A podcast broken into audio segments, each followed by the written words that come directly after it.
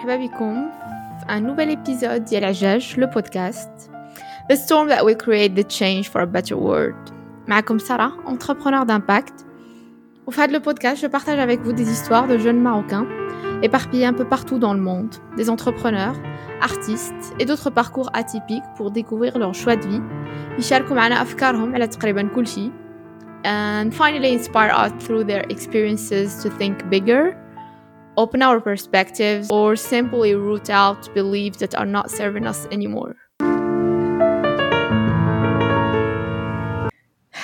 Donc, c'est parti. Marhaba bik ma'ana Salah. Je suis très très ravie de t'avoir Lioma euh, enfin parce que Mr. Busy. Euh, ça fait des mois et des mois que j'attends ce, cet entretien.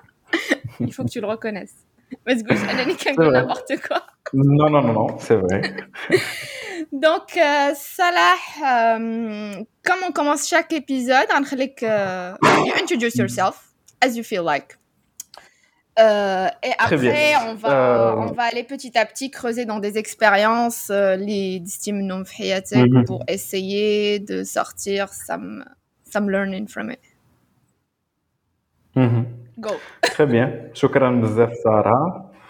Euh, c'est vrai, ça a pris euh, du temps à cause de moi entièrement. En tout cas, je suis très ravi qu'on puisse le faire finalement, après tant de temps d'attente. Euh, Salah 27 ans, je suis euh, ingénieur de formation en mécanique énergétique, ce qui n'a rien à, rien à voir avec ce que j'ai fait de ma vie par la suite. Victoire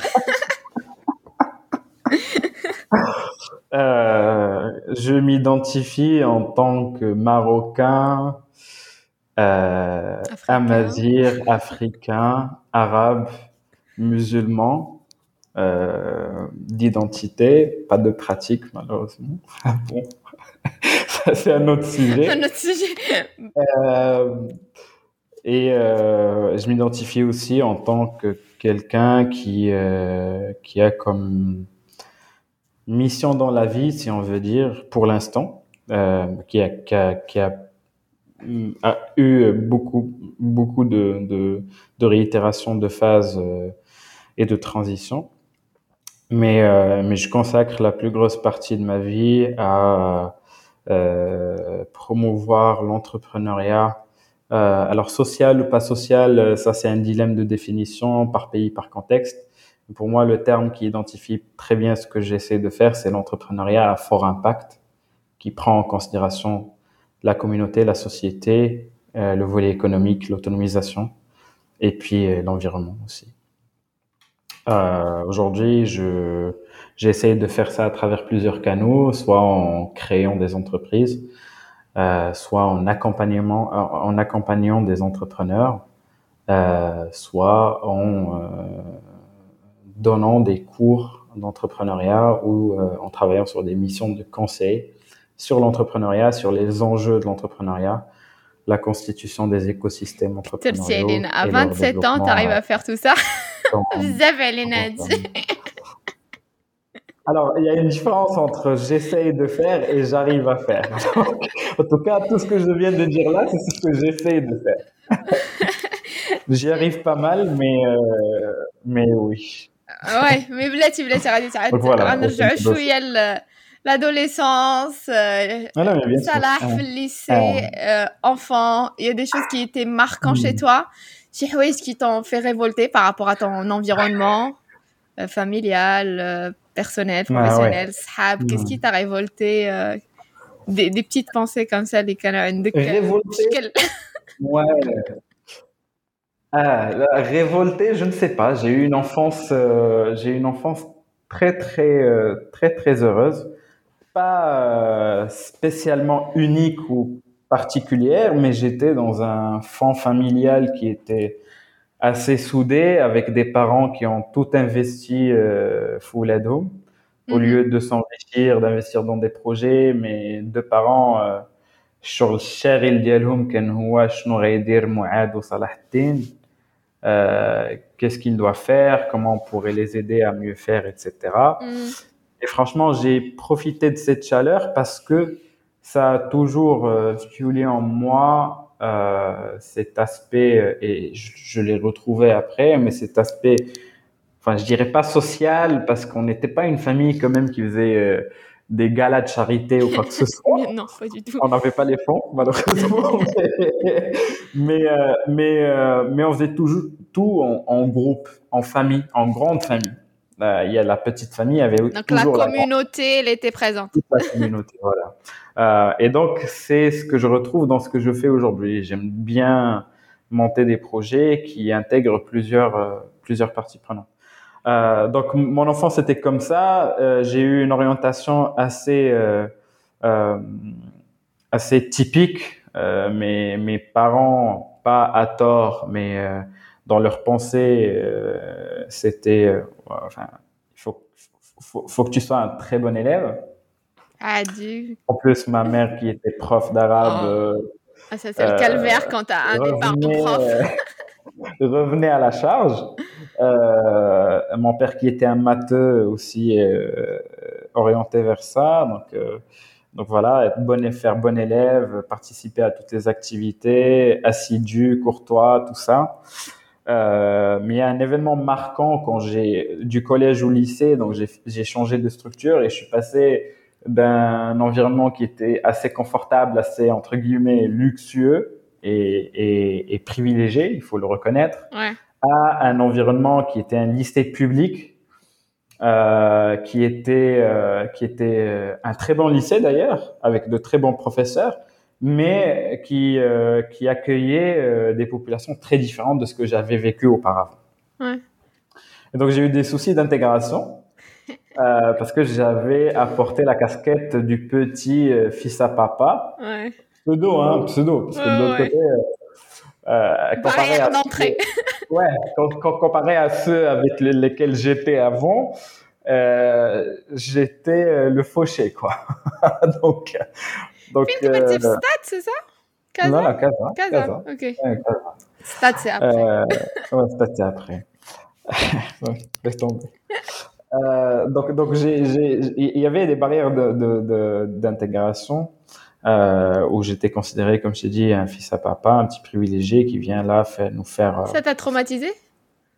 Bah écoute, quand je te dis que pendant une année, à 18 heures, je devais carrément me battre chaque jour. Ah ouais ça بدي تهرب للدار كم نوع كنتي كدابز en fait Ah, ما كنتيش من النوع اللي كيهرب لا كنت كنضارب يخرج قبل الاخرين لا كنت كنضارب Enfin, en, en tout cas j'avais pas trop le choix tu vois on sortait tous à la même heure donc ça va te darb ça va te ouais, de toute manière tu connais ça donc, euh, donc j'ai choisi de me battre Ouais. Euh, et puis petit à petit ça c'est euh, en fait c'était pas ça n'a jamais été très, très, très, très méchants. C'était des petites querelles de, de lycéens. Je, ne me suis jamais cassé les bras ou cassé la tête ou brisé le... Non, c'était des petites querelles de braquage, comme tu as dit, et euh, desquelles j'ai beaucoup appris d'ailleurs. Hein. Ça faisait mal des fois, mais j'en ai beaucoup appris.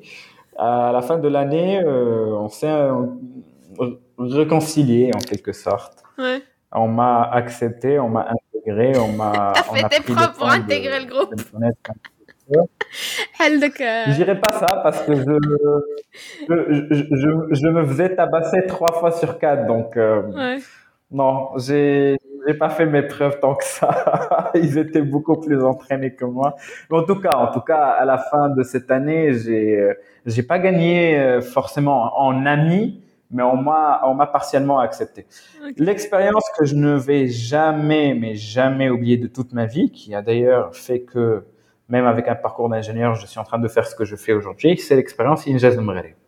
Ok. Alors Injaz Mreli, à l'époque, euh, avait un programme qui s'appelait Junior Achievement, qui était adressé au lycée euh, pour monter des JA, euh, Junior Achievement, pour monter des petites entreprises virtuelles Mhm. lycéennes. Mhm. Et je me rappelle qu'on a, quand on a eu euh, le tuteur qui était, euh, qui va devenir après euh, après sept ans ou huit ans mon boss à Cozumar. Ah. Il était venu pour nous parler un petit peu de l'expérience, etc. Et il nous avait demandé d'élire un bureau, un bureau exécutif avec un président de l'entreprise, etc. Et en arrivant au poste de, de président, personne ne s'était présenté Hmm. pour le poste. Et je me suis dit, bah écoute, euh, il, me déteste de toute manière. Qu'est-ce que j'ai à perdre si je me présentais Et donc, avec le ratio de popularité le plus bas de toute l'histoire, je me suis présenté pour ce poste de président. Ah, mais quelle est votre seule en tout cas J'avais rien à perdre. Euh, et donc, du coup, j'ai écrit mon speech parce que, privilégié que je suis, il faut préparer toujours ses conquêtes. Ouais. Euh, donc, j'ai préparé le speech et j'ai fait un petit speech qui était, euh, qui a eu assez d'effet, bizarrement, sur la classe. Ouais. Et on m'a élu euh, président de l'entreprise contre toutes les attentes. Euh, et donc c'est là où euh, les gens commençaient à venir me parler parce qu'ils avaient des questions à me poser, ils avaient des trucs à gérer avec moi euh, durant le, le programme. Et il faut dire que franchement, pour une première expérience, j'avais très très très bien assuré. Et ça m'a fait gagner mais, bah, 15, 14, 15 ans. Ouais. Ah oui. Non, putain. 14, 15 ans. وشمن l'initiative كانت آه، شكون لوريجين ديال الانيشيتيف إنجاز المغرب، سي- نو مي شكون إنجاز- لوريجين الدولة إنجاز- آه، Non, non, non, non, non, c'est c'est une ONG. Non, non, c'est Ok. une ONG. Ok, Ils faisaient ça en partenariat avec Doula, etc. Mais c'était une ONG. ok. Euh, Ça existe et... oui, oui, oui, tout à fait. Tout à fait, ça existe encore. Et c'est un réseau arabe, en fait. C'est- Ça s'appelle Injaz l'Arabe et dans chaque pays, on l'appelle ça euh, Injaz Maghreb, Injaz Tunis, etc. Bon. Et donc, euh, à la grande surprise de tout le monde, on avait monté un très beau projet qui était mon premier euh, prototype de, de l'époque, qui était un arroseur automatique. Donc, on voit avec des capteurs euh, solaires, avec une sonde résistive. Cool. On avait, on avait le privilège d'être à lycée Khawarizmi, donc on avait des labos, des ateliers Ouais, ouais. assez avancés pour un lycée. Donc on a- et puis aussi, il faut pas, il faut reconnaître un certain monsieur Hizam, qui nous les tahiyya, euh, qui nous de l'essence d'ingénieur et qui nous avait épaulé, mais d'une manière extraordinaire. Mentor, euh, ouais, il, tenait à fond à ce qu'on puisse réussir cet exercice. Euh, Donc ça, c'est tes premiers paf, l'entrepreneuriat, finalement. Tu as créé une entreprise éphémère. Ouais. Les petits présidents, Diala. Fait, non, ouais. non, mais je vais, je vais y revenir parce que c'est très intéressant. Et après, ce qui s'est passé, c'est qu'on a, on a, on a gagné la régionale. On- personne ne s'y attendait. Donc, on avait gagné la régionale, on a gagné la nationale, on a gagné la compétition arabe. Oh, Donc, euh, ouais, donc c'était l'heure de gloire où euh, je suis passé de l'inconnu du lycée qui vient d'un milieu privilégié et qui se faisait tabasser chaque euh, sortie d'école au mec le plus populaire du lycée, quoi, au champion. trop cool. Donc c'était l'heure de gloire et j'ai j'ai eu le privilège de passer toute mon année du baccalauréat avec ce statut. Et donc ça m'a énormément... Regardez. euh, Ah, Ouais, exactement. c'est Ah, sans- متصدر لي تكلمني. Euh, et donc ça m'a fait gagner des, des amitiés précieuses que je garde jusqu'au jour d'aujourd'hui. Ça m'a et surtout, surtout, surtout euh, en estime de soi. Alors il faut, il faut que je te, rac- il faut que je te raconte une anecdote parce que euh, euh, j'étais pas spécialement a bullied boy quand j'étais à l'école, mais je n'étais pas non plus le plus populaire. Hmm. Donc j'avais des hauts et des bas et je venais euh, discuter ça avec mon père. Mon père c'est euh, c'est mon plus grand modèle. Ouais. Et donc on discutait ça, etc. Donc euh, il m'a conseillé le sport au départ. Donc j'ai fait du sport, ça a très bien marché, mais j'avais toujours soif, j'avais toujours envie de, de devenir le plus populaire. Donc il me disait, regarde, il faut que tu te trouves un rituel pour te mettre en confiance tout le temps. Et c'est le rituel que j'ai fait euh, en me présentant à la présidence de cette entreprise virtuelle. En gros, le rituel, c'était plus banal que ça, tu meurs, mais c'était me mettre devant un miroir et me dire trois fois. Hmm. c'est comme ça que m'appelait mon, mon père. Hmm. C'est- Il m'appelait Sba. Et donc je faisais ça, je le fais toujours d'ailleurs, Tchaldaba, après, après 12 ans ou, ou Ça 13 ans. travaille à l- l'inconscient. Ah ouais, c'est clair, c'est clair. Et, euh, et donc du coup, je faisais ça, je faisais ça tout le temps. Et, et juste avant les compétitions, je faisais la même chose. Et comme je te dis, mes parents étaient vraiment un soutien énorme parce que dès, dès ce très jeune âge, ils venaient à toutes les compétitions, ils assistaient aux préparatifs, ils finançaient euh, tout ce qui était habits, euh, voyage, Logistique. euh, ouais, tout. Euh, et donc, et donc, il y a, il y a un, un, un ancrage tripartite avec lequel je vis jusqu'au jour d'aujourd'hui, c'est le rituel, l'heure de gloire et l'entrepreneuriat. Hmm. Et c'est la raison pour laquelle jusqu'au jour d'aujourd'hui, je garde toujours cette passion pour l'entrepreneuriat parce que je ne me mens pas, c'est euh, parce que je veux être un, un, un, acteur dans ma société, un acteur à fort impact positif, hmm. mais c'est aussi parce que c'est en lien ancré très profondément dans ma tête qui me dit que c'est ta passion, mais c'est surtout c'est ton petit royaume sur lequel tu pourrais euh, avoir des, des, moments de gloire. Euh, T'as raison de vivre tout, court aujourd'hui en fait. C'est ça. Ouais. Mon moyen et ma raison de vivre, les deux. euh... Ok. Et en fait, je voilà. كان كيدور phrase que dit que ça Salah quand même fait lycée دابا درتي une expérience, j'ai l'impression que tu étais un peu en lévitation parce que limite ah. tu croyais pas, tu tu réalisais pas, ah tu ouais, faisais carrément. les trucs mais bon. Mm. Ouais, carrément. Euh... واش كنتي كتقول انني c'est bon, j'ai trouvé ma voie ou là tu dis bon bah c'est une expérience qui va passer, après je ferai autre chose de ma vie, moi le lycée ou là je, on verra ouais. après. Alors, il y a toujours cette, cette, euh, cette séquence de, de, d'adrénaline juste après la gloire mm. où tu te dis c'est bon, ça, ça y est, j'ai trouvé, c'est celle-là. Ouais. Euh, sauf que. Euh, c'est ça. Ah, exactement. Sauf que il faut, il faut à un certain moment se calmer et, et, se remettre en question. Et ça a pris le temps que ça a pris. Après, le bac est venu. Mm. Et زعما بلا ما باش ما نكذبش عليك زعما هذاك لو سونتيمون ديال لو راش l'adrénaline l'entrepreneuriat هبط هبط parce que j'ai le bac parce que je devais choisir entre partir en France rester au Maroc prépa ou pas etc finalement je suis pas parti en France par conviction j'ai toujours j'en ai toujours la conviction d'ailleurs euh, j'ai pas fait les prépas mm.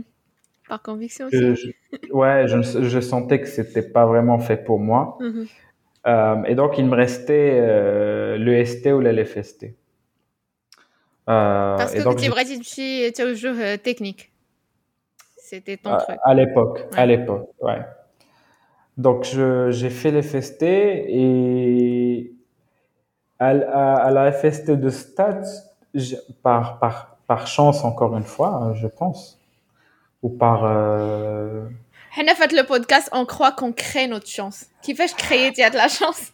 Ouais, non mais. Alors oui, on crée notre chance, ça c'est sûr. Mais mais mais il y a quand même un.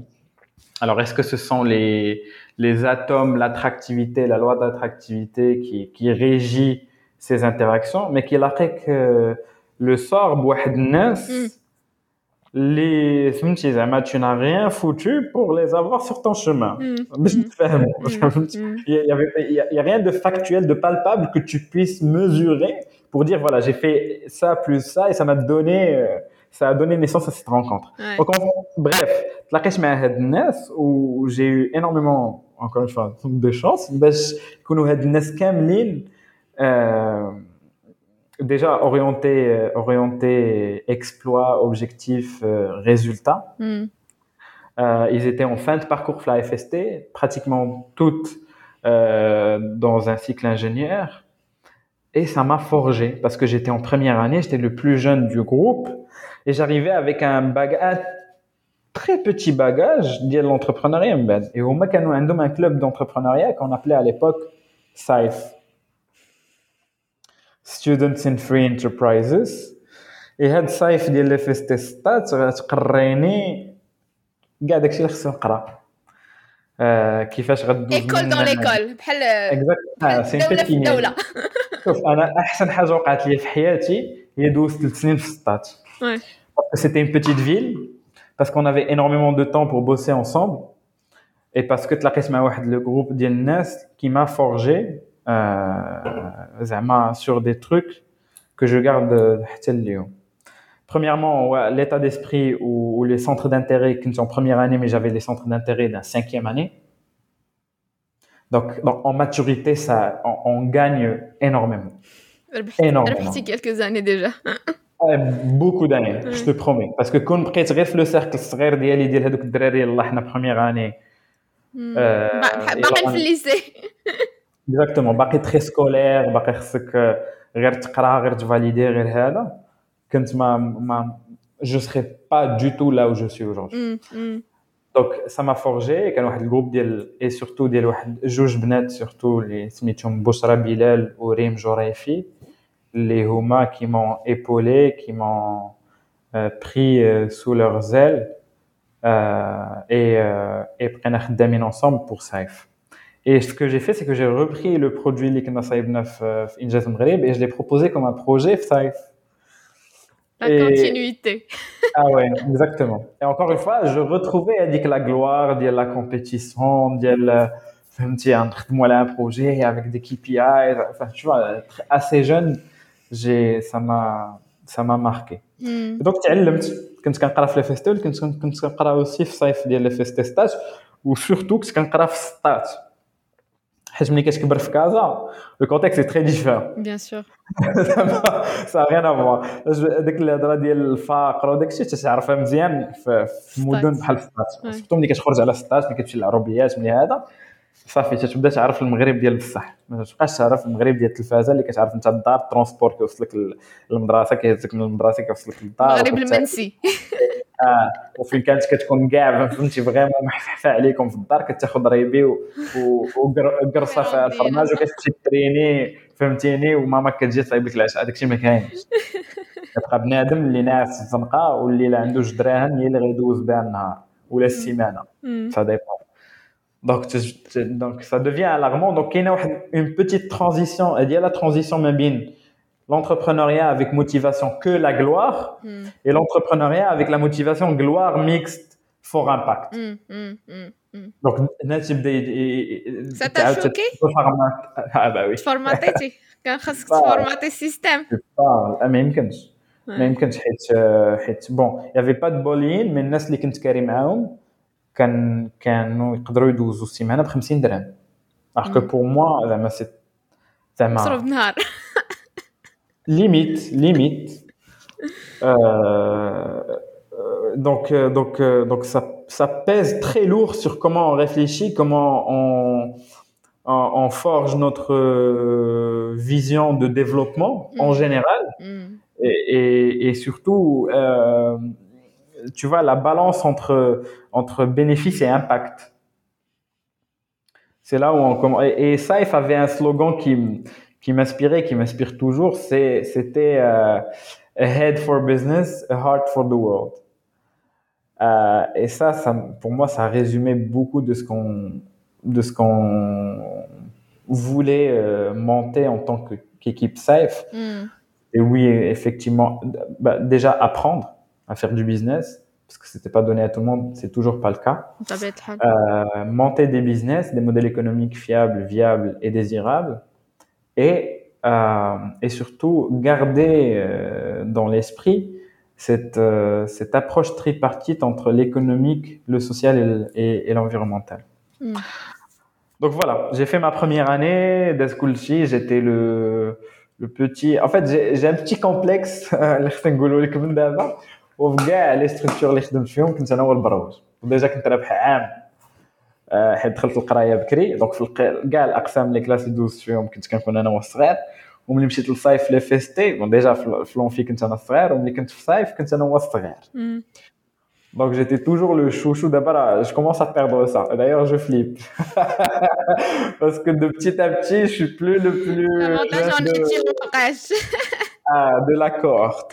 donc j'étais le plus chouchou, j'étais chouchouté, j'étais mentoré, accompagné par le groupe, mais surtout par ces deux filles, ces deux femmes aujourd'hui Ouais. euh, qui, qui, qui, ont, qui ont accompagné, épaulé euh, ce développement. Donc je commençais à apprendre, à entreprendre, à, à, à monter des business, à, à, à développer des, des modèles économiques, etc. Et ça a continué pendant trois ans. Ouais. Et quand est-ce que ces projets, ils sortaient les projets Hadouk et Saif ou là juste ça reste euh, de l'entraînement sur des projets fictifs?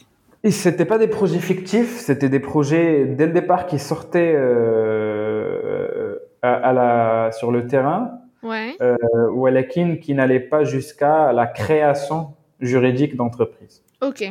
Donc, est en prototypé, déployé comme un projet? On le voilà, comme un mais, projet. mais on le déployait on les déployait euh, tous. On n'a jamais eu de projet fictif, les Rerdrna sur papier. On a toujours eu des communautés, des populations cibles, des gens qui utilisent jusqu'au jour d'aujourd'hui nos dispositifs, mm. euh, les CNA prototypina. D'ailleurs, euh, grande, ah, grande, grande. Euh, ben, un exemple, Rebelman remercier la personne qui était vraiment principalement chargée du financement de ces dispositifs. كان عندنا euh, un projet qui s'appelait euh, Méthanaction. Mhm. Et c'était autour de la Méthanisation. la méthanisation, la fermentation, euh, recyclage des déchets organiques avec euh, deux barils. euh, et après 15 jours, on pouvait, euh, on pouvait euh, après procédure, processus de fermentation, avoir deux, deux, deux, deux sortants. Un élément de, de fertilisation, donc un fertilisant naturel, et puis du gaz, euh, et puis du gaz à, pour à utiliser pour cuisiner ou pour, euh, pour la lumière, parce qu'ils avaient toujours des, des lampes à gaz. Hmm. Euh, et, et ces dispositifs existent toujours et, et, et marchent toujours chez les bénéficiaires qu'on avait eu à l'époque. Là, je te parle de 2013, hein, donc c'est bientôt 8 ans Hmm. que c'est utilisé et que, enfin, franchement, moi, ça me fait plaisir parce que je leur parle, pas, une ou deux fois par an, juste pour demander euh, après eux et ça fait toujours plaisir d'entendre qu'ils utilisent ça toujours. Il y avait un autre projet qu'on avait monté, mais c'est là où on avait gagné en maturité parce que on s'était dit on n'arrivait pas à créer une entreprise, donc vaut mieux qu'on fasse le projet en, collaboration avec une association. On, avait monté un projet qui s'appelle Superwoman, euh, mais ça c'était basico-basique avec un grand impact. Et c'est là où on découvre aussi euh, cette notion de l'innovation. C'est pas dans c'est pas dans le le- le- l'outil forcément nécessairement, c'est plutôt dans la manière de faire les choses. Hmm. Hmm. Donc c'était un modèle économique basico-basique très simple qu'on avait monté avec une association à Stats et qui s'appelait Superwoman et euh, c'était un groupe, un groupement aujourd'hui, un groupement d'intérêt euh, euh, économique euh, entre des femmes Hmm. euh, qui sont aujourd'hui émancipées dans leur communauté, intégrées et autonomes financièrement et qui cuisinaient des plats faits maison pour, euh, pour les étudiants, euh, et ça je te parle de 2013 encore, pour les étudiants de l'université.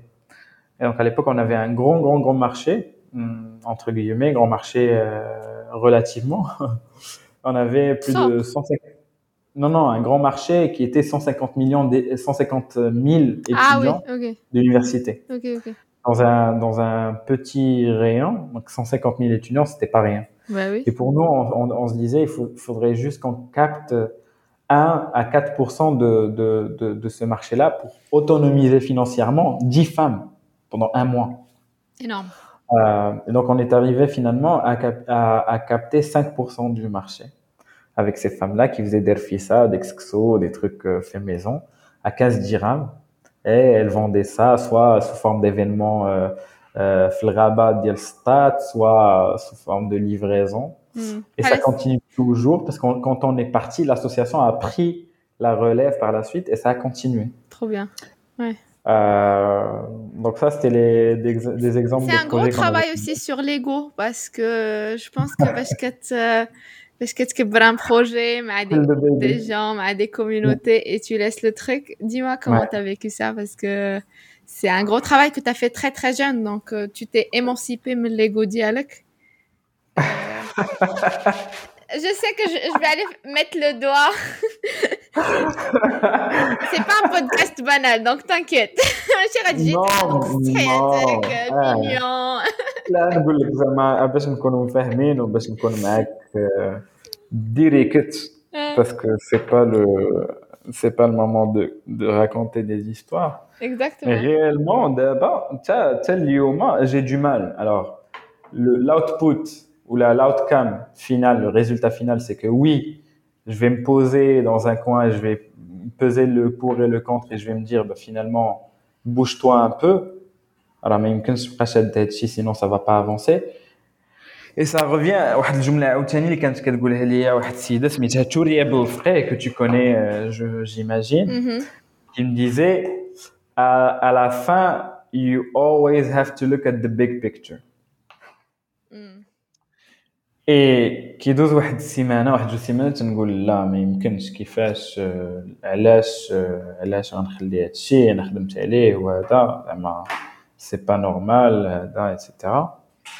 Mais quand je vois, euh, quand je prends de la hauteur et du recul, hmm. je me dis, finalement, il la vision de tout le projet, c'était pas de, de te faire une, une statue L'objectif principal, c'était que les les les femmes, درتي هادشي كامل لوبجيكتيف برينسيبال سيتي كو هادوك العيالات ولا هادوك المراوات ولا هادوك النساء ولا هادوك لي فام يتاوتونوميزاو Mm. Donc, soit tu vas sacrifier هادوك العيالات pour ton ego. Bien sûr. Et donc là, on revient à la pesée. اللي كتبين بأنه من الحقارة بمكان تكومباري بين ليغو ديالك وهادوك العيالات كاملين. Soit tu vas sacrifier ton ego, mais tu as toujours un ancrage في هذاك le projet ولا هذاك مسمار شحال Mm. positivement Diane, tu peux en parler. Hmm, euh, aujourd'hui, on en parle. Bien sûr. Je, ne fais plus partie du projet, mais j'en parle. Je peux célébrer ce petit, euh, ce petit exploit. Et je suis sûr qu'en revenant à les femmes, elles sont reconnaissantes, elles ne doivent pas l'être, hmm. mais elles seraient toujours reconnaissantes. Et tu vas toujours te dire, que finalement, en quittant un territoire, tu as pu l'en- laisser une petite empreinte. Mm. كيف ما كانت قد ما كانت Bien sûr. صغيره كبيره وبتاع مي باش نقولوا الصراحه زعما 100% باقي عندي هذا المشكل حتى اليوم اوكي حتى اليوم آه، ف- زعما في بزاف ديال الحوايج اللي آه، كيوصلوا لواحد لو ستاد دو ماتوريتي فين ان plus besoin de ma présence Quand est-ce ni que il y a jamais de bon timing Mm. Mm. mais il y a toujours une prise de, de conscience. Euh, fin, il faut en continu mesurer l'impact de l'individu à l'organisation et, et, et peser le pour et le contre. Mais j'ai toujours du mal. Merci pour euh, ce, Euh, ce partage de vulnérabilité. Non, j'ai- je sais que j'ai un ego euh, fiscal. non, mais, Ah, là, t'inquiète pas, mais c'est un travail d'une vie, euh, donc monsieur. Exactement. Un Anna Radio travail d'une Kingsburg, vie. avec les expériences, avec, avec plusieurs expériences, j'arrive mieux à le gérer. Mm. Mais alhamdoulilah, ce que je, dont je pourrais me vanter aujourd'hui, هو ما عمر ما خرج عليا. Ouais. ما عمرني ما خليته يدم- يديميزورا في un- une petite bataille Qu'il de domine, coq quoi. ولا شي حاجه باش يامباكتي نيجاتيفمون واحد الناس اخرين. Ouais. إلا- ولكن الا كان غير غيامباكتيني غير انا بوحدي كنبقى غادي شكون فاهمين زعما الا كنت انا بوحدي تغلبني غادي- ولا نغلبك آه، تنبقى فيه ولكن الا كان امباكتي ناس اخرين تن- تن- تنقتلو Et après Saif, qu'est-ce qui s'est passé Alors, ساليتي l'école اشنو اشنو كان كيدوز في راس صلاح كنتي كتقول غنكري une entreprise كان عندك des idées de projet euh, qu'est-ce qui s'est passé dans ta tête parce que généralement كناخذ الدبلوم كتمشي كتقلب Mm. soi-disant على خدمه واش كنتي في آه. لو ميم شيما ou pas je sais je connais واحد الضباب ديال واحد l'expérience اللي نقدروا نهضروا عليها parce que ça peut آه. ça peut aider beaucoup de gens انهم يتبروجتاو وانهم c'est pas grave si ça va mal et Ouais. c'est pas grave de remettre tout en question C'est vrai C'est vrai. Mais tu parles de mon expérience ou tu parles de la tienne de la tienne Laquelle Eh ben, je n'aide لا لا كنهضروا غير عليك اليوم ما كنهضروش عليا لا ما انا وحده فيهم كنهضر على فاش ساليتي الدبلوم دونك آه. واش آه، شرح لي الناس كيسكي سي باسي من بعد واش كتقول غادي الوغ تخدم لي غادي بريستي دوز ثلاث سنين لا اون فيت ما ما كانش خدمه باسكو من بعد كان خصني ندير سيكل انجينيور Ouais. دونك مي مي في عامي الثاني في لافان la fin de la deuxième année ديالي في لي فيستي كنا تجمعنا واحد بزاف واحد ثلاثة دراري. آه بعدا بعدا بعدا سمحي لي نسيت ما جي با ريميرسي واحد لا بيرسون اللي هي بروفيسور خديجه خديجه مستعيد اللي كانت هي لا كونسيير بيداغوجيك ديالنا. اللي هي اللي كانت كتضارب وكتطلع وكتنزل باش آه باش تجيب لنا دي فون pour concrétiser هذوك لي ديسبوزيتيف باسكو ما كانوش دي موديل ايكونوميك فيابل فينونسيرمون كانش عندنا دي رونتري دارجون ضروري خصها فينانسمون كنا كنديروا سوا دي كيرميس آه، شي تخربيقات صغار ولكن ما كانوش كيجيبوا دي فون دونك كانت كتطلع وكتهبط في الإدارة باش تجيب لنا فلوس باش نقدروا نبروتوتيبيو ونخدموا دونك شكرا شكرا بزاف مدام مساعد اللي باقي باي ذا واي اللي هضرت معاها غير يلاه دو سمين دابا واو. سي اون فام انكرويابل اكستراوردينير ما علينا دونك دوزيام اني ديال لي فيستيسالات بديت كنفكر بيان سور. اي جمعنا واحد ثلاثة الدراري أربعة ان فيت كان سفيان نجاح إدريسي اللي كانوا كاملين من لو ريزو صايف ان اكتوس دونك كان سفيان نجاح إدريسي كو كوني جو بونس المهم كان كيكون معنا ديما أنا والحرش غادي نتعرف عليه شي نهار. آه سفيان نجاح إدريسي كان يوسف يقين. آه وكان سهيل بن حمو. دونك هادو ثلاثة كانوا خريبكا وكل واحد فيهم كان كيقرا في المدرسة. لأن صالف بيكا أخوين اكسيتيرا Donc, on s'est dit, on n'arrête pas de prêcher de l'entrepreneuriat, à nos équipes, des entreprises, etc. Mm. Mais on ne donne pas l'exemple. Mm. Donc, quand nous avons fait le leadership pour le faire. Donc, on a créé une entreprise. Une entreprise, on a tout mis de côté. On l'a mis de côté. On l'a créé. Bah, mais c'est ce qui s'est passé pour nous quatre. اون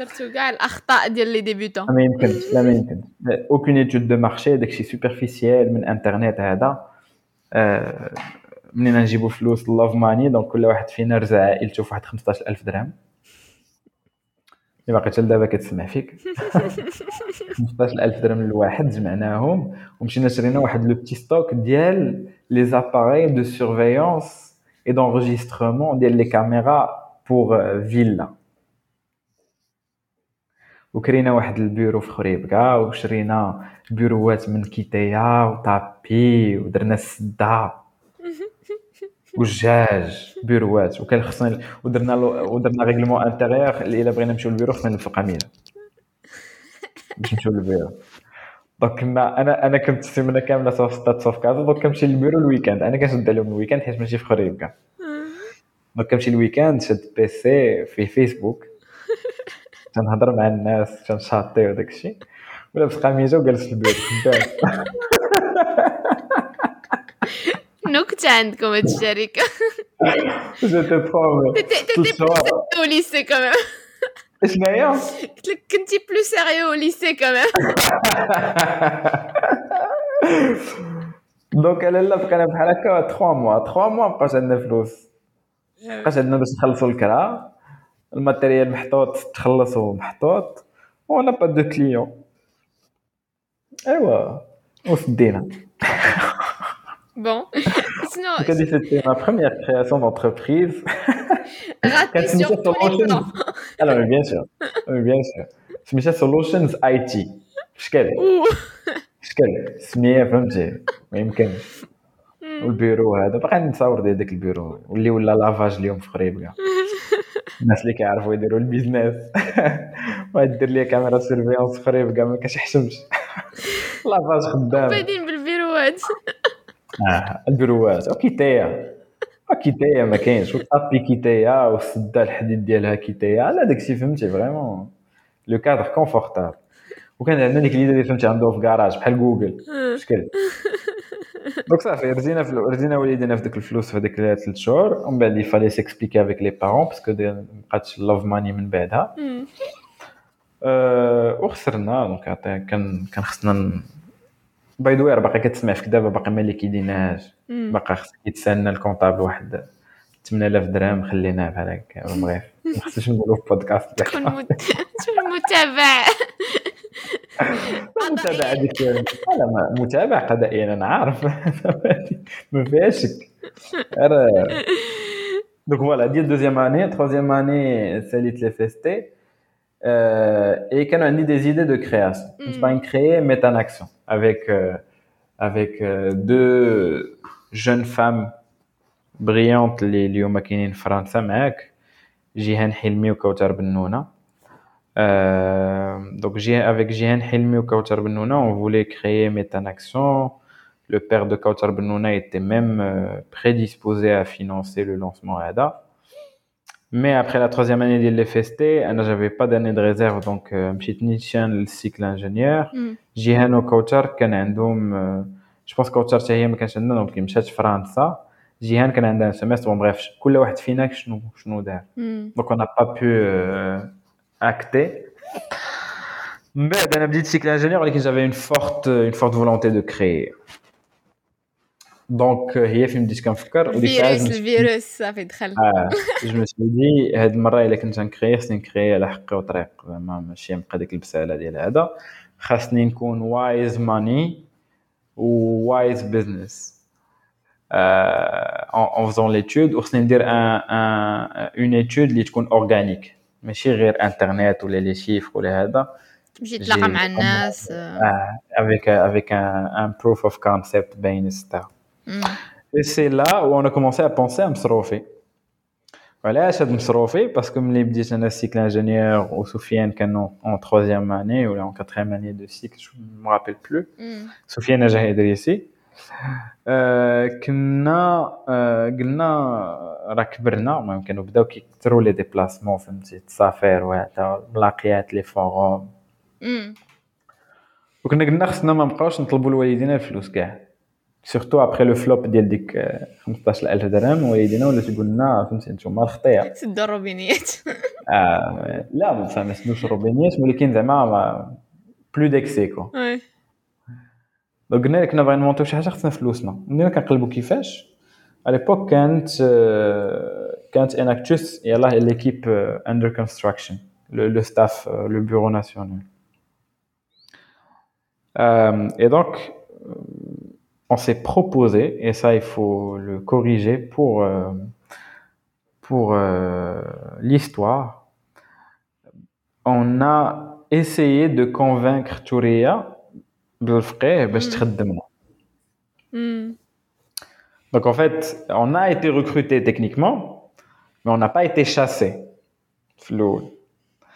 Donc on a essayé de la convaincre وكتقول لنا لا وشنو انا خصني نلقى شنو نتوما ديروا اكسترا هذا هذا هذا هذا هذا حنا on revenait à la charge à chaque fois. ما تلاقينا مع عدنان ce qui a ce qui a aussi bien marché enfin ce qui a fait que ça a bien marché c'est qu'on était vraiment très proche de Adnan Noutouria parce qu'on bossait bzef et les deux étaient vraiment euh, euh, d'une aide euh, incroyable et très précieuse durant le parcours à Enactus. Bon, bref, euh, la grande histoire, la petite histoire, hier, on les a convaincus, ils nous ont pris en tant que coordinateur de, de projet. Mm. Là, on était financièrement autonome. Cool. Mais l'entreprise, euh, Sofiane et Anna, on s'est dit, bah, écoute, il faut qu'on parte d'un truc qu'on a vécu. Il y a des données organiques et des chiffres très rapidement. Un problème qu'on a vécu, on transposait à une population, on le une solution. Mm. Et donc, Mlisat, juste euh, après l'épisode, l'autonomie financière des étudiants. Ah. Et en fait, on a trouvé que le problème n'était pas que les étudiants voulaient juste ce luxe. En fait, on a trouvé que l'autonomie financière des étudiants était un luxe. Mm. Bien sûr, mais, euh, mais c'est vrai, le- en fait. Ah, le, le- le problème très répandu à, à l'époque, c'était plus l'abondant.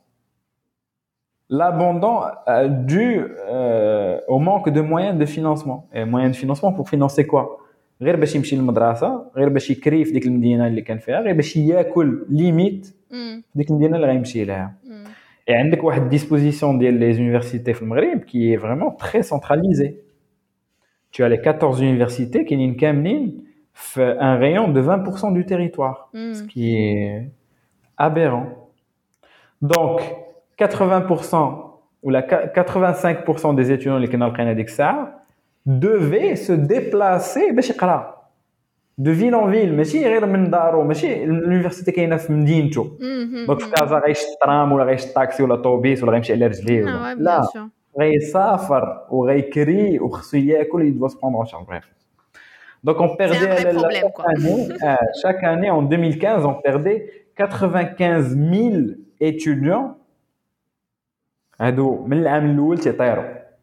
ماشي اللي تيطيروا من بعد العام الثاني ولا العام الثالث وما كيكمل لا هذا العام الاول ما كيكملش 6 موا تيطير 95000 Mm. دونك بدينا كنلقاو دي شيفر مقادين et عاوتاني روندر اوماج ا يوسف حمال ديال ستاجير بوان ايما اللي كان عنده اون ايتود ديك, ديك الساعه كي ايتي فريمون سوبر بيرتينونت على لابوندون universitaire et l'abandon scolaire pour les- l'enseignement supérieur Donc, on a créé ce qu'on a appelé Floul, euh, part-time job doctor, euh, part PG for S, bon bref, سميت بزاف باسلين في الحق سميناه مصروفي euh, pour faire un peu plus sexy. Euh, ça donc, parle plutôt culturellement parlant, en fait. Ça parle ouais, la langue. ouais. La vibe, فهمتي مصروفي je كنصرف في سيمانه tout court. Ouais. Donc on a créé Msrofi qui a eu un succès énorme. en fait, l'un des problèmes avec Msrofi, c'est que ça a eu un succès beaucoup plus grand que ce qu'on qu avait Victime de son succès. C'était un peu ça, c'est vrai. Euh, on avait eu, je sais pas. Mais c'était quoi, des petits jobs Il y a que pour des étudiants? Des petits, ouais, c'est ça? tout, tout simplement, des petits jobs avec des partenaires. On avait des partenariats avec euh, Tazage, avec des, des, centres, des, des, des centres d'appel. Euh, on avait un partenariat avec euh, un client les études euh, de marché, les questionnaires, etc. Mm. Et on avait, euh, on avait un partenariat aussi avec un client d'IEL, les cours pour, pour écoliers, les cours de soutien, voilà, qui STEM. Mm, ماشي ماشي des cours عاديين Ok. Euh, donc on a roulé comme ça pendant euh, pendant une année et demie, deux ans. problème avec tout ça, c'est qu'on n'arrivait pas à générer du, cash en plus. Donc, on ne se faisait pas des salaires, pour développer la plateforme, pour le design, pour les stagiaires, pour savoir, etc. etc. Hmm. Donc, à un certain moment. Elle générait zéro? Sinon, le business model Non, non, elle générait pas. C'était un pourcentage sur les salaires. C'était un salaire annuel, en bref, c'était c'était le modèle des, des, des, des boîtes RH, quoi. Mm, mm, mm. Des boîtes de recrutement. Ok. Euh, puis voilà. Euh, un, autre problème, c'est que qu'on n'a pas rien développé le modèle de manière à former les étudiants, parce que monsieur Moujoudine, là, donc les les, les, les, petits jobs pour les faire monter en compétences mm. Et alors ça, ça demandait de l'argent fou mm. qu'on n'avait pas. La formation et l'accompagnement, c'est ah, quand, ben quand, on en faisait, on en faisait. Mais euh, en fait, ce qui nous avait vachement aidé, c'est qu'on faisait partie de plusieurs euh, réseaux d'étudiants qui étaient formés dans le cadre de fondations, l'ISEC, euh, Enactus, euh, euh, JCI, etc. Donc, on avait énormément de réseaux euh, de, de personnes les communautés. Mm. Des communautés qui nous ont sourcé très facilement. Mm, mm. C'était un bon modèle. Parce qu'à la, à la base, on va pas recréer euh, la roue. Bien sûr. Bien ouais, sûr. Donc, les fondations font déjà leur job pour faire monter en compétence ces gens-là. Donc, pourquoi investir de l'argent dans ça? Euh, Donc, voilà, on a continué comme ça. Et, euh, et puis, à un certain moment, on, on pouvait plus. On pouvait plus parce que Anna Dixaz allait partir aux États-Unis. Sofiane avait démarré euh, d'autres trucs, donc donc presque à la Et il y avait une troisième personne qui s'appelait Randa Talbi. Je sais pas, tu la connais, je pense. Non. أصحابك نمشي نقلب عليهم واحد واحد رندا طالبي اللي كانت اللي هي cofondatrice du projet. Ouais. On était trois. Il y avait Sofiane, Randa et moi. Et Randa qui qui s'occupait du développement de toute la plateforme elle avait fait un travail de développeur, Zama. Franchement, c'était énormément. Si c'était pas elle, on allait payer, je sais pas, dans les 300, 400 000 dirhams ديال الخدمة ديال لي لي واحد باقي كنعقل دابا تفكرت واحد النهار صيفطات لي باغ ميل لي سبيك si je me rappelle bien, ou je vois le terme. Oui, oui, c'est les specs d'un software ou une application, ouais. اكزاكتومون كانت تبعث لي لي ستيك باغ ميل ونقول لها صافي سي بون جو لي فوروردي لواحد الساط باش يشوفهم هي تقول لي واش انت ستيشي لي سبيك راه فلوس فاش فوروردي ليه دابا أنا كنت باغي نشرح لواحد الساط اخر اللي كان كان باغي يعطينا شوية الفلوس ولا هذا ها شنو كنديرو شنو كون ديفلوب سيتي ان ديفلوبور اللي كان باغي يديفلوبي لنا اون بارتي فابور تقول لي اش من قلت لها انا نفورورديهم ليه تقول لي اش تفوروردي لي راه الفلوس لي سبيك راه فلوس لا اشرح لي اورالمون ولا اشرح لي انا اورالمون تفوروردي لي حتى حاجه وي بيان سور Bon, on avait fait un travail vraiment énorme, Soufiane, Aranda et moi. À l'époque, comme je disais, moi j'allais partir aux États-Unis. Randa avait d'autres plans. Elle était diplômée déjà, donc elle, devait bosser ailleurs. Et Sofiane était, était vraiment euh, jusqu'au cou euh, noyé. Euh, donc, خلينا نصرو في stand by. Mais باقي les specs, باقي la plateforme, باقي باقي la communauté. Mais il y a des jeunes qui en profitent. Mais on fait ça mais organiquement, pas pas le même volume. Mais quand on reçoit des, des demandes, on essaie de les mettre en, en contact. Mais, Trop bien. Et de manière euh, vraiment euh, informelle. Quoi. Ok. Tu vois, c'est je suis à l'expérience de salariat, quoique elle était brève. ouais, bon, brève. هذيك الساعة المهم كنت داخل الأرض الوطن. faire une petite comparaison.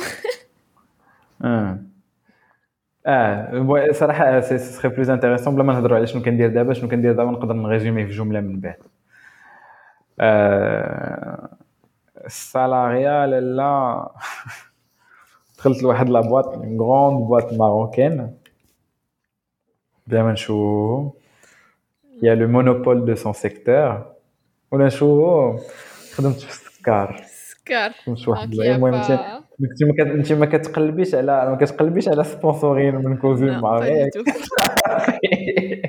دونك كوزيومار الله يذكرهم بخير دخلت خدمت في euh, avec tout ce qui va avec. Donc, le contrat, le statut cadre, le club, les avantages, le statut social, les promesses de l'évolution,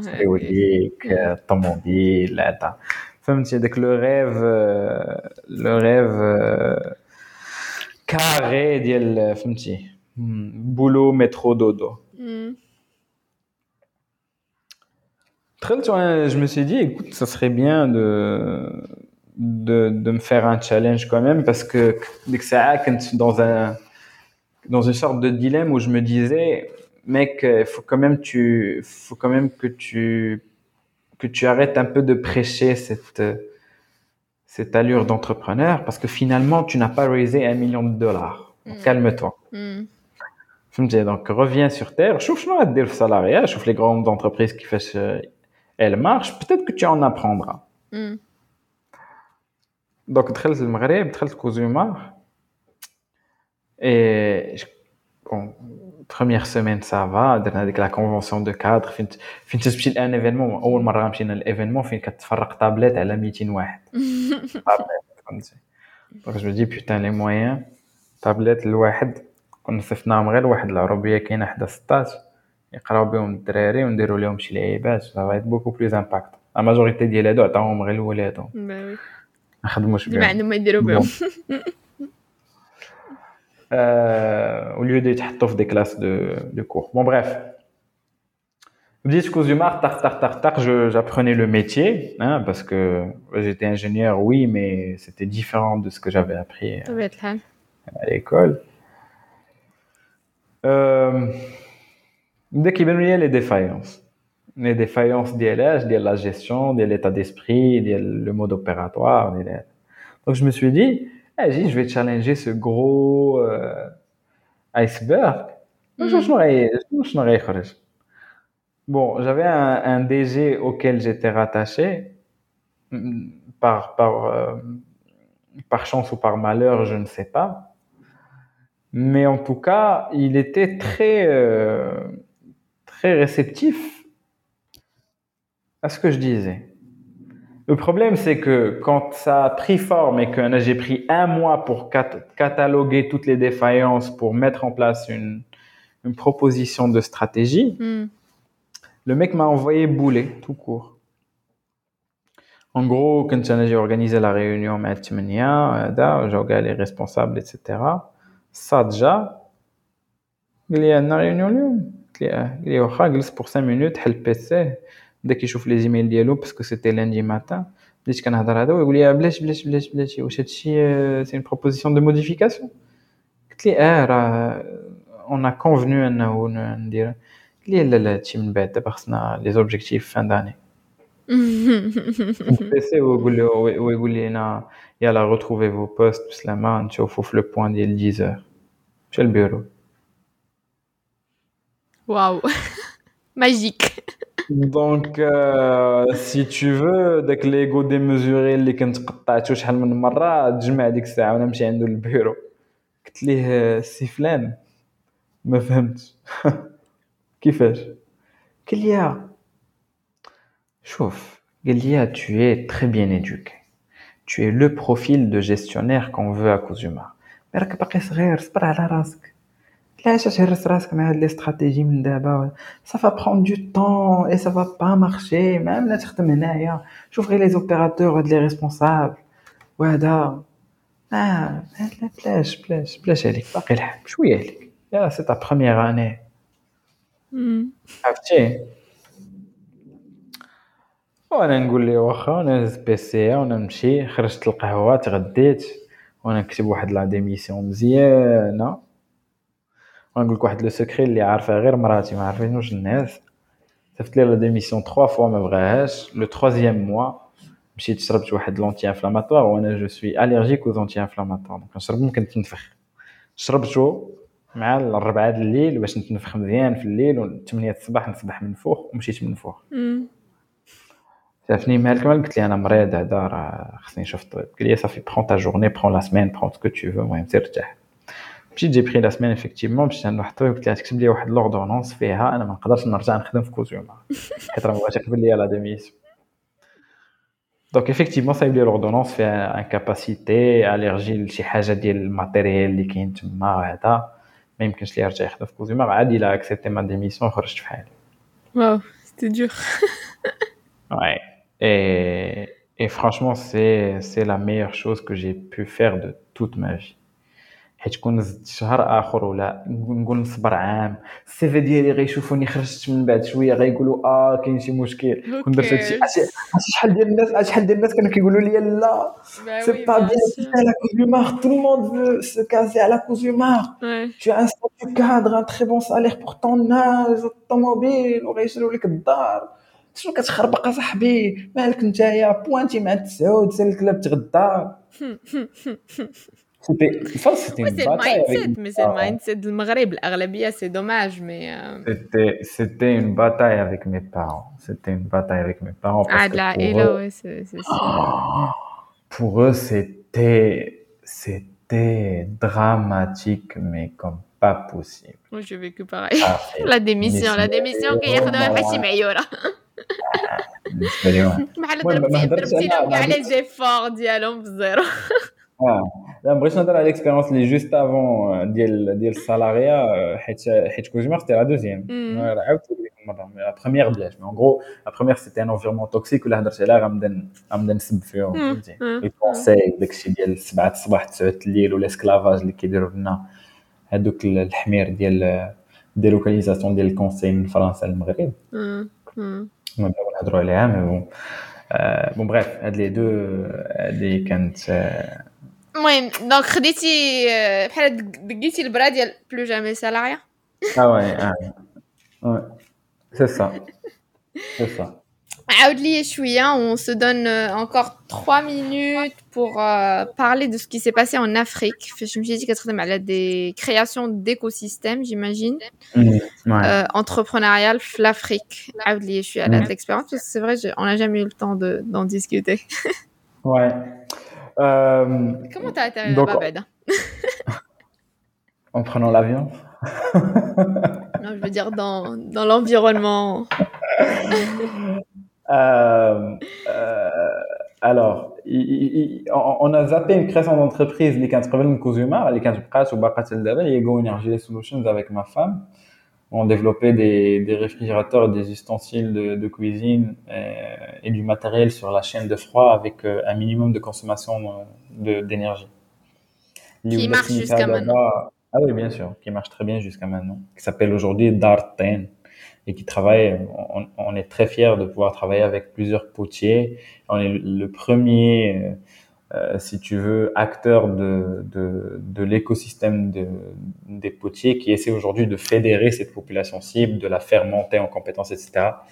Euh, et c'est dû principalement euh, au, au grand travail que fournit Rawia, qui est ma femme et qui est la, la CEO de cette, euh, de, de cette startup qui, qui fleurit, qui continue à fleurir, j'espère un peu pour, pour plus de temps. Donc Go Energyless, enfin le deal pour moi c'était retour à Go Energyless direct et ça prenait de de de, de l'ampleur d'XA donc c'était très naturel. Mm.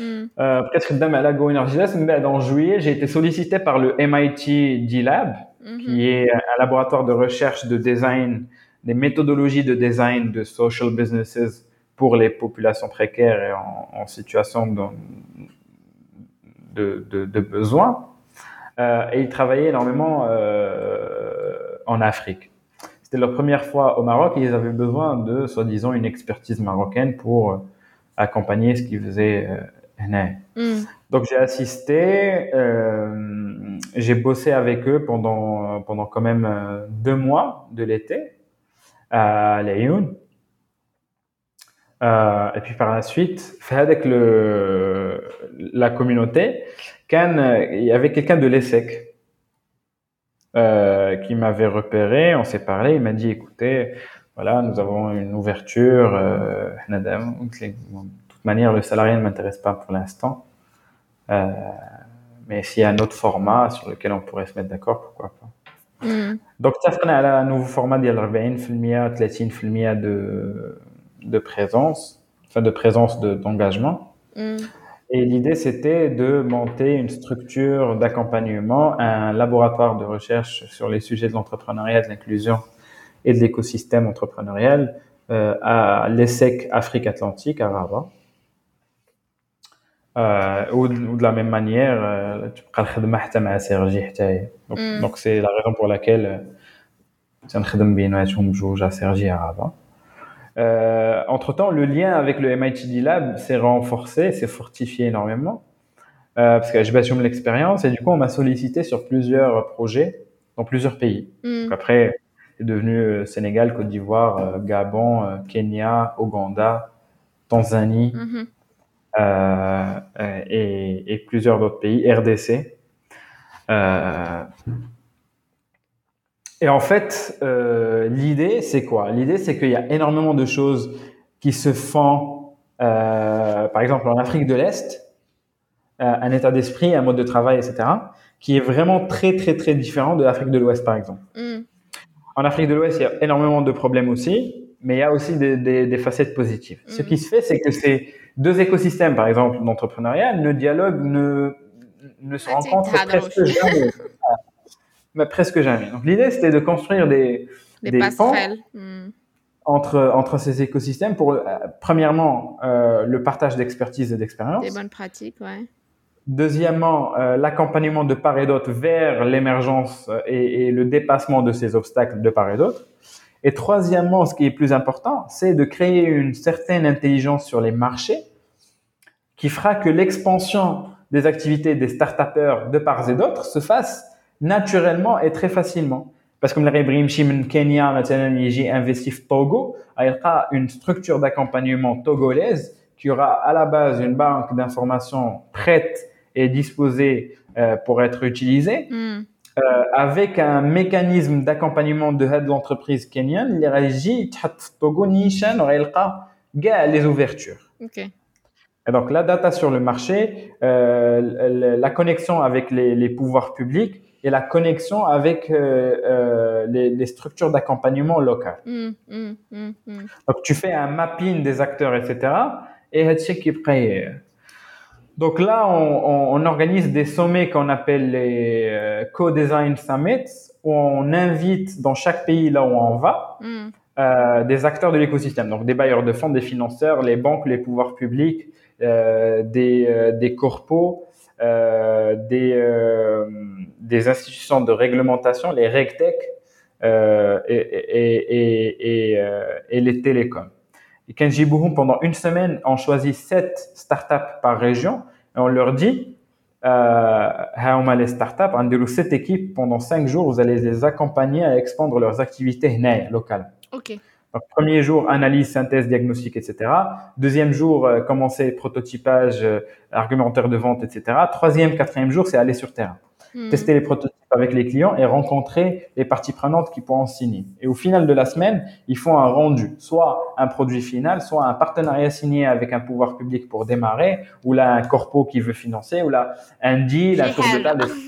لا شي quelque chose de concret ماشي شي حاجه بالكارطون اللي كتقول لي هذا كيتحل بحال هكا وفهمتيني ملي كدير فيه داكشي لداخل تيولي زوين وبغيون Donc en fait vous agissez sur deux volets interpays et وسط le pays d'un point de vue national ah oui, non, mais. Donc, c'est euh, deux actions différentes.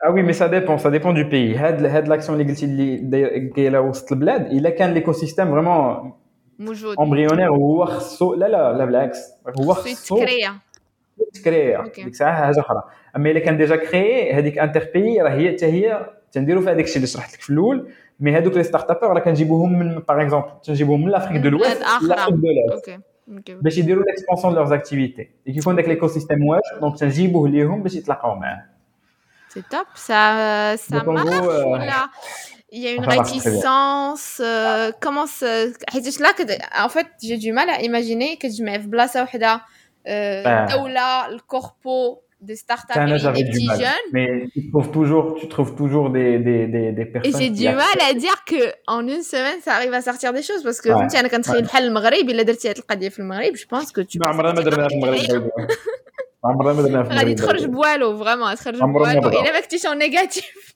الا خرجتي ما عمرهم ما بغاو ما عمرهم ما بغاو مي في لافريك سا مارش surtout في l'Afrique de l'Est. Ok. Donc c'est des initiatives qui ont fait leur preuve. Ah oui, c'est clair. Oui, oui, bien sûr. Il y a plein de preuves aujourd'hui. Là, là, là. Et c'est l'Afrique qui aide l'Afrique et c'est. C'est. Expérience en quelques L'Afrique doit aider l'Afrique, tout simplement. Il y a, il y a, je suis pas très politique, légale, vraiment tombe dans cette euh, contextualisation. Il y a, il y a pas de solution berlinoise à un problème euh, de l'Afrique du Nord. Donc, il n'y a pas de solution américaine, européenne, française, tout ce que tu veux à un problème africain. Il y a le partage d'expertise. D'abord, on n'est pas dans le nationalisme ou la euh, anti euh, externe. Mm. Le MIT Lab, c'est une entité américaine. Les, des participants, les canaux, l'écosystème, c'était des participants des entités européennes des fois. ولكن ملي كنمشيو لذاك لونكراج لوكال سور تيران وكنجيبو لاكتور ديال التيران وحنايا اون ني اون سوبور اون سوتيان بليكسبرتيز اللي عندنا ماشي اون اكزيج et on dit voilà ce qu'il faut faire parce que ça a été fait comme ça en France mm. par exemple ça c'est fou mm. ما كانش كاين واحد اللاير اللي ان اكسترن ما تيتقبوش ما يقدرش يبينيتريه بيان سور غير غير كيشوف حتى انا اون طونك ماروكان الا كانت اون سوليسيون ابليكي و غانا كاين واحد اللاير ديال فهمتيني اكسترن افريكان غانيان انا ما نقدرش نبينيتري هذاك خصني نحترمو ونعطي مي مي كونفيكسيون اي مي مي مي مي مي زيدي tout en respectant l'appropriation ديال ليدي ديال لو كونتكست بالناس اللي عايشين تما اللي كبروا تزادوا تما وعاشوا تما ما يمكنش لي انا ندخل ليه بيان سور بيان سور سي تو Je pense que c'est ça la, la conclusion. La plus grande conclusion, c'est que c'est ce putain de continent est un continent super riche qui est très mal géré, gouverné. Gouverné, ouais, c'est la gouvernance. Euh, et, quand, euh, et que, comment on peut agir اليوم شفتي بزاف د الحوايج عشتي في بزاف د البلدان si tu peux me donner un mot de fin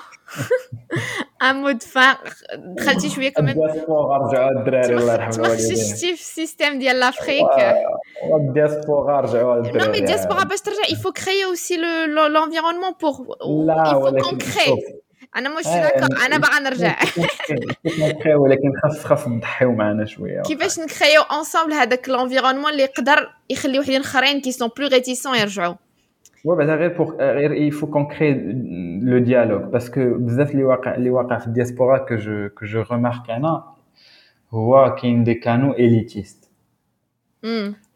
Par exemple, je suis en contact avec les gens qui sont معاهم mais on n'intègre pas des autres. Il n'y a pas un lien entre اللي ou اللي Il y a des communautés qui se créent où les باغي يرجع غير يرجع مع واحد اللي يعرفو تما ويديروا une affaire هنايا pour s'enrichir. مزيان, j'ai investi là, enrichis-toi dans ton pays, etc.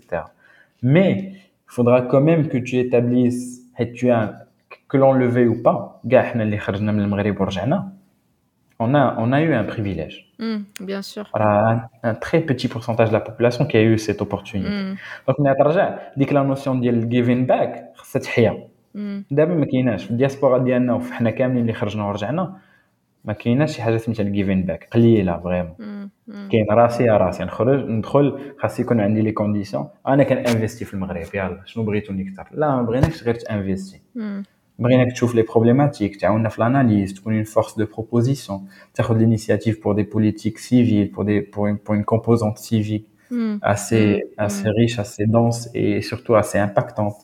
Euh, on crée des réseaux de lobbying pour mettre de la pression sur l'ancienne garde. Mm, Alors, mm, mm, qu'il y a une partie de l'ancienne garde qui est vraiment très sage, les de les jeunes, etc. Mais il y a une bonne partie de l'ancienne garde qui veut que s'enrichir en continu et mmh. ne mm. pas donner l'opportunité aux autres. Bah, l'esprit de Molchkara aussi qui persiste. Ah, bien sûr. Ah, bien sûr. qui persiste énormément. Mais écoute, ça bouge, ça bouge. Chauffe. Et là, dans ce couple, à l'Almaghreb, focus à l'Almaghreb, ça bouge énormément. Mm, mm. Il y a plein d'obstacles, il y a plein de, de, de, de choses qui, qui, pourraient rendre la personne réticente au, au, fait de, de s'investir euh, full bled. Et, et, et, je souligne, je dis s'investir, mais si venir investir.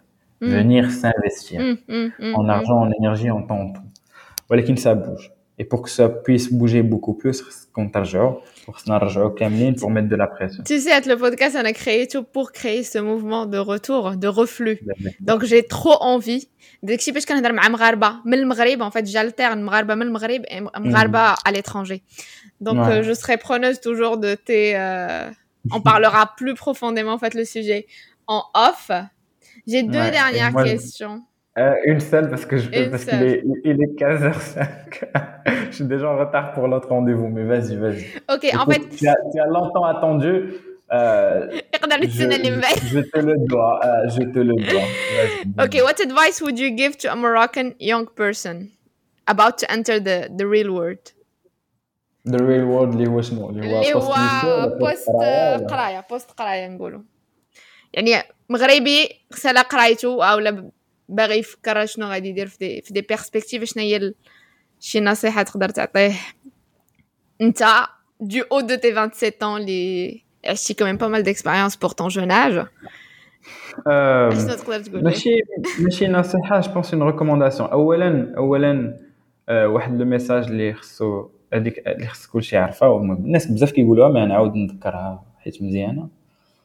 هذيك الكرتونة راه ماشي تسوى والو زعما كرتونة النقاط شنو قريتي فين قريتي ما تتسوى حتى بصلة اليوم اللي تيسوى شي حاجة هو هو لو كران هو لا فولونتي ديالك هو le, euh, la rage que tu pourrais nourrir par la volonté de l'exploit, de la, vo la volonté de, de développer des choses et d'impacter positivement الناس. قلب على راسك ما ما, ما تطيحش في لاسيستانا كون كتسمع الهضرة كون كتشالنجي لي زيدي ديالك فاس زيدي ديال لي زوتر ولكن عاوتاني ماشي اللي الريح اللي جاي يديك ماشي حيت ولد عمك قرا في مدرسة إكس وكيشد الصالير ديال 10000 درهم وبالنسبة لعائلتك راه سي لو موديل ا سويفر دونك خاصك تتبعو حتى انت. لو سالاريا peut t'apporter quelque chose. أنا جو سوي با اون بيرسون كي anti salariat pas du Mais tout ça te convenait pas Ah, j'ai eu une trop, très mauvaise expérience. Ouais. Je suis sûr que dans d'autres cas, le salariat apporte énormément. La preuve, les plus grands start-upers اللي كاينين في المغرب اليوم دازهم لو سالاريا دونك لو سالاريا ني با ان ايشيك الا كنتي دوزتي حياتك كامله في لونتربرونيا وهذا مزيان تعلم السالاريا ولا بغيتي دير لونتربرونيا وهذا ميساج حتى للناس اللي باقي ما كملوش قرايتهم ما تطيحوش في داك الوانابيزم ديال والو حيت دابا لونتربرونيا ولات تريندي ولات لا مود وهذا كلشي ولا باغي يدير الديجيتال ولي زانفلونسوز وديك البسالة ما تطيحوش في ديك المرقة. هذيك بالنسبة ليا واحد شوية ديال المرقة اللي زايدة. بغيتي دير لونتربرونيا قرا ليها شوية تعلم بها شوية مي سورتو براتيك دير شي حاجة. في الراسة لونتربرونيا راه راه بنادم تيحقر هذيك لي زيتاب راه كاين اللي كيبيع غير لي سي دي كيبيع أي حاجة. بيع غير بيع.